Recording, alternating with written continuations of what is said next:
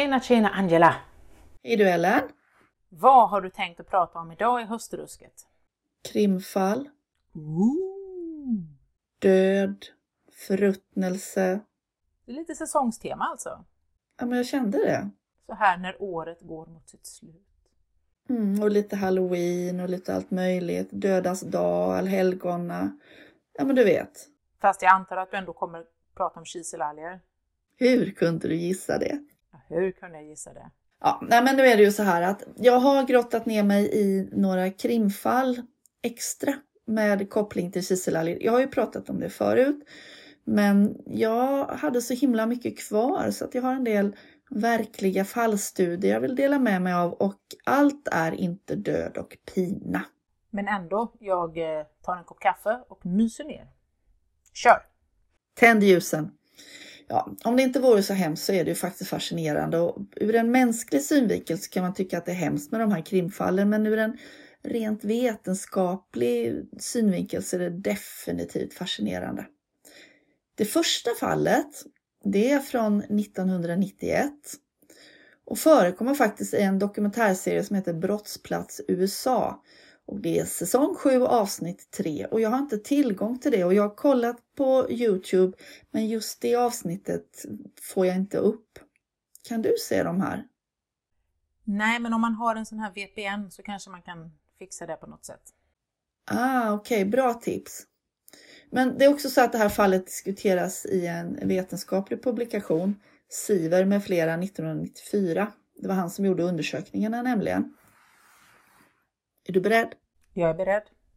Två pojkar var på fisketur i Connecticut och eh, en liten sjö där de fiskade så omringades de och hotades med kniv av ett eh, gäng på tre lite äldre killar. Och de slogs sönder och samman med baseballträ. Fy fasen! En av dem slängdes i sjön. Och de här tre tonårspojkarna, de är alltså övre tonåren förövarna. Eh, de är tämligen hänsynslösa. Men ett av offren spelar medvetslös och eh, den andra har de ju slängt i sjön så då tar de offrens cyklar och drar iväg. Och den första pojken då som spelar medvetslös, han kan rädda sin kamrat och de lyckas rymma. Sen så tas de här tre misstänkta om hand och det, det var, fanns en del vittnen och det var lyckliga omständigheter för det var någon som hade sett någon som var lite skum och hade en cykel och ett baseballträ och allt möjligt. Men hur som helst så undersöker man både offren och de misstänktas kläder och skor. Och samtidigt så tar man sedimentprover från sjön och från stranden och man kollar även vattenprover. Och då hittar man tre arter av kiselajssläktet Eunotia. Se där ja. Och då var det en god samstämmighet mellan de referensprover man hade och de här kläderna och skorna som man undersökte. Så vet du vad? Nej.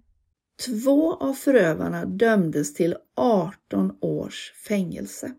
Ja, rimligt. Om man är så fruktansvärt brutal. Ja. Och den tredje då? Den yngsta, den tredje då, klarade sig. Han fick någon form av sån här ungdomsfängelse i USA. Det är säkert ganska tufft det också.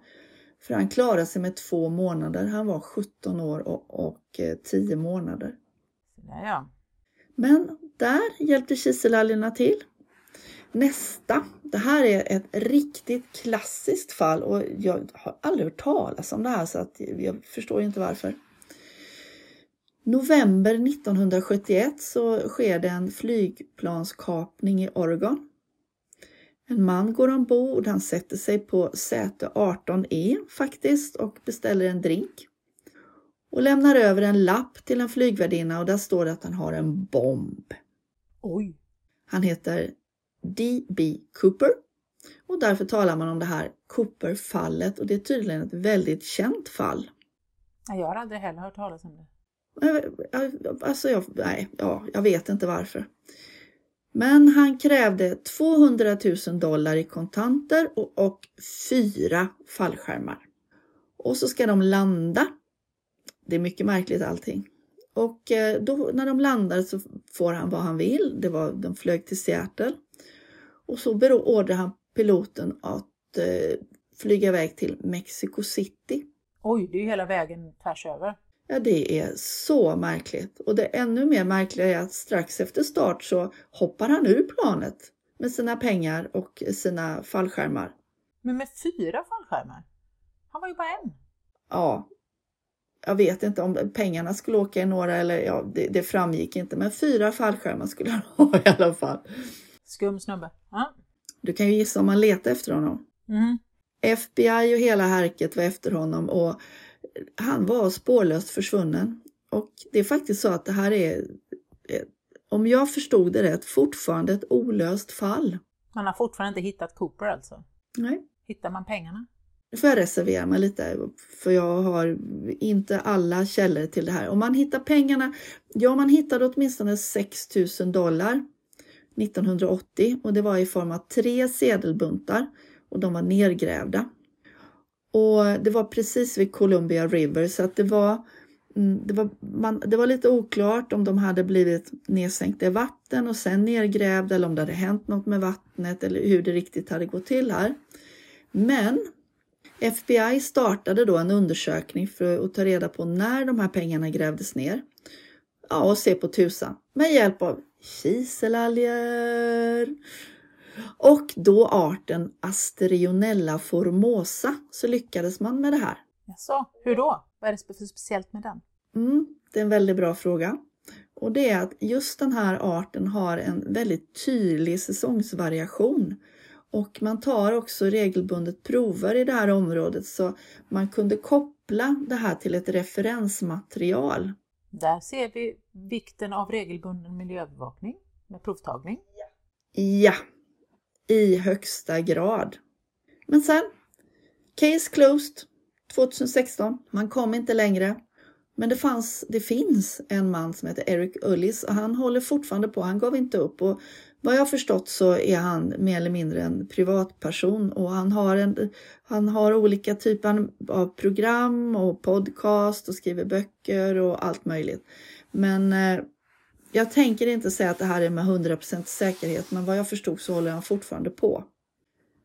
Och han var fem år gammal när den här själva flygplanskapningen skedde. Ja, men det är viktigt att ha en hobby. Vem är vi att kasta sten? så sant! Ja, helt rätt. Men du, sen har vi mumier på Grönland. Festligt. Jag lyssnar.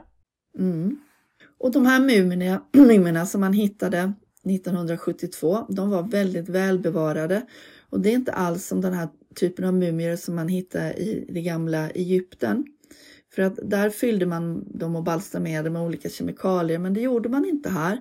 Och det tror man beror på klimatet, att de bevaras väl ändå.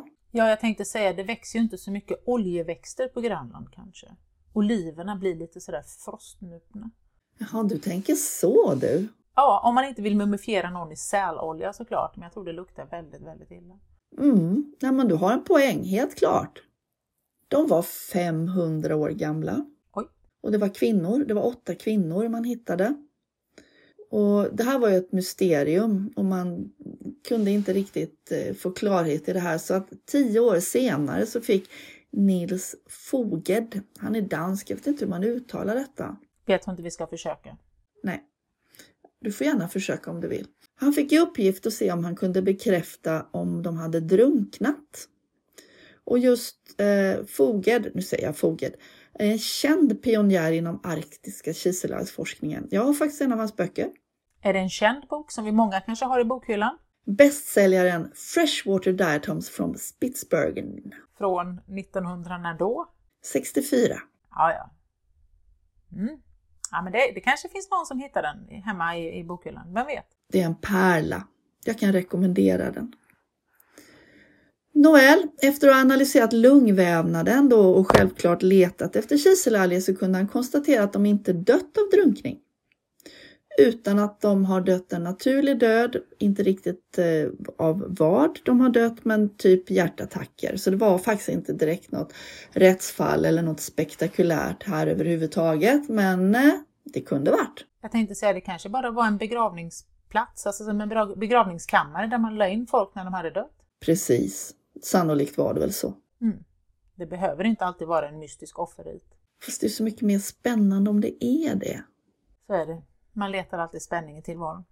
Orkar du med fler? Ja, kör! Då har jag ett lite otäckt fall. Mm. Och det var en pojke som hittades avliden i en damm. Och han låg flytande på, på ytan. Och dödsorsaken fastställdes till något som heter vasovagal synkop.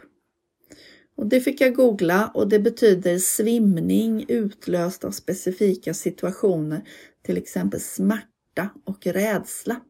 Spännande!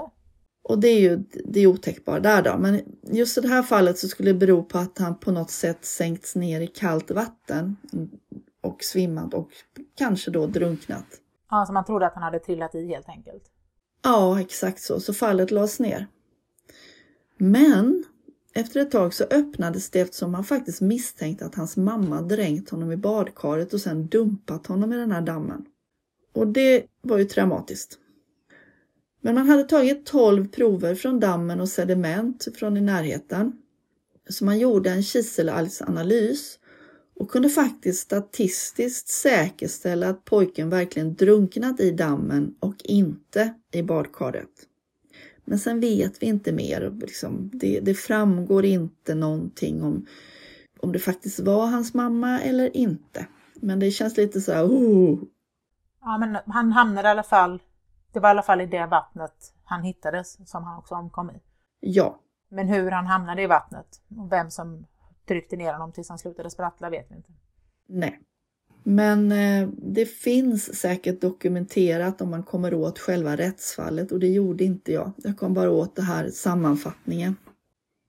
Fast eh, jag får väl ändå ta ett par roliga fakta också. Ja, det tycker jag. Det är ju lite halloweenstämning men jag kan ju inte lämna våra lyssnare med eländes elände. Nej, muntra upp, muntra upp. Ja. Då har vi en studie från 2017 så det är ju bara nyligen. Mm. Och eh, den hade titeln Can diatoms be transferred and retained on various footwear materials? Alltså kan man hitta kiselalger och, och, kan de överföras eh, och finnas kvar på olika typer av skomaterial kan man väl säga va? Spontant säger jag ja, beroende på material. Du, man sänkte ner olika typer av skomaterial i vatten med kiselalger. Alltså det här var ju kontrollerade experiment. Och det var canvas och så var det två typer av läder. Det ena var mocka och det andra var läder. Och så var det gummi och sen så var det polyuretan, alltså ett plastmaterial. Och så hade man dem i 30 sekunder och man hade det i 3 minuter och man hade 30 minuter. Sen fortsatte man faktiskt ända upp till 168 timmar. Men den första, eh, det här första resultatet som man visade är att man faktiskt just på canvas så räckte det med att det hade varit 30 sekunder i canvasmaterialet hade varit 30 sekunder i vattnet med kiselalger för att man sen skulle kunna skrapa av och analysera och hitta kiselalger på materialet. Och alla som har råkat kliva i sjön med en canvassko vet att ja, vattentät är ju inte det den är känd för. Och den är ju väldigt porös och så, så det är klart att de fastnar i den. Ja, jo, ja. Det är väl det materialet som är mest poröst av alla de här du den är ju som ett filter. Mm, du har faktiskt rätt i det. Tre minuter, tre minuter endast, så hade, var det analyserbart från alla materialen. Mm. Det ska man tänka på när man ska dumpa en kropp i vattnet, alltså att stå inte där i mer än tre minuter och tänk på vilket material du har på skorna. Ja, har du canvas så står där inte längre än 30 sekunder, då åker du dit vet du. Ha inte canvasskor när du dumpar din kropp. Exaktamente.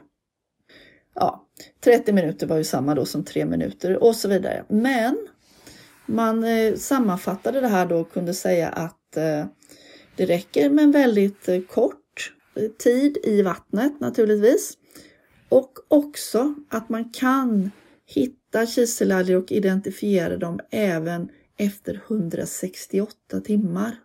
Så där ja. Mm. Och det allra mest effektiva för att hitta kiselalger då som sitter på och som man sen kan skrapa av det om det är ett blandat material och att det även är polymerer med. det var. Så det, ska man nu hitta på något fuffen så kan man ju tänka på det. Det är ju en, en intressant eh, design feature att ha. Liksom. De här skorna gör det garanterat så, så att de kan spåra var du har varit så att om, om du hittas död på en mystisk plats så, så kommer de här skorna hjälpa till att hitta din mördare. Ja, med hjälp av kiselalger. Men du, det är faktiskt inte bara skor utan även kläderna kan avslöja dig om du varit ute på fuffens. Kiselalgerna vittnar om var du har varit och kanske vad du har hittat på. Hoppsan. Så nu är vi i London 2014. Då gör Scott och hans kollegor en, eh, en vetenskaplig studie. Och där visar de då hur bevisar de hur kiselalger kan bli överförda till olika typer av kläder. Även våt jord. Och det var samma som för skomaterialet, att även en väldigt kort kontaktperiod gjorde att eh, man sen då kunde analysera kiselalger. Och sen så pratar de om vad, vilken bästa extraheringsmetoden är för att få ut kiselalgerna. Men bomullskläder, där kan man ha kvar kiselalgerna även efter att de har tvättats. Wow! Mm. Jag tänker att slutklämmen här får väl ändå bli att eh, kiselalger is the shit, eller vad då? Ja, men jag tycker det. Det här känns ju jättespännande. Jag tycker att eh, det borde vara mer kiselalger på alla sådana här svenska krimserier och polisprogram på tv. Och jag, jag bara väntar på en hel deckarserie som bara går ut på att lösa mysterier med just kiselalger. Faktiskt så att en tidigare student har nyligen skickat mig ett sms där hon har hittat kiselalger i ännu ett avsnitt av en krimserie. Eh, många vet ju att jag samlar på sådana här episoder så att nu har jag en liten nätt kollektion som jag kan prata om någon gång. Så underbart! Vi ser fram emot nästa krimavsnitt här i Algpodden. Ska vi säga så då? Det gör vi. Ha det bra då! Tjing tjing!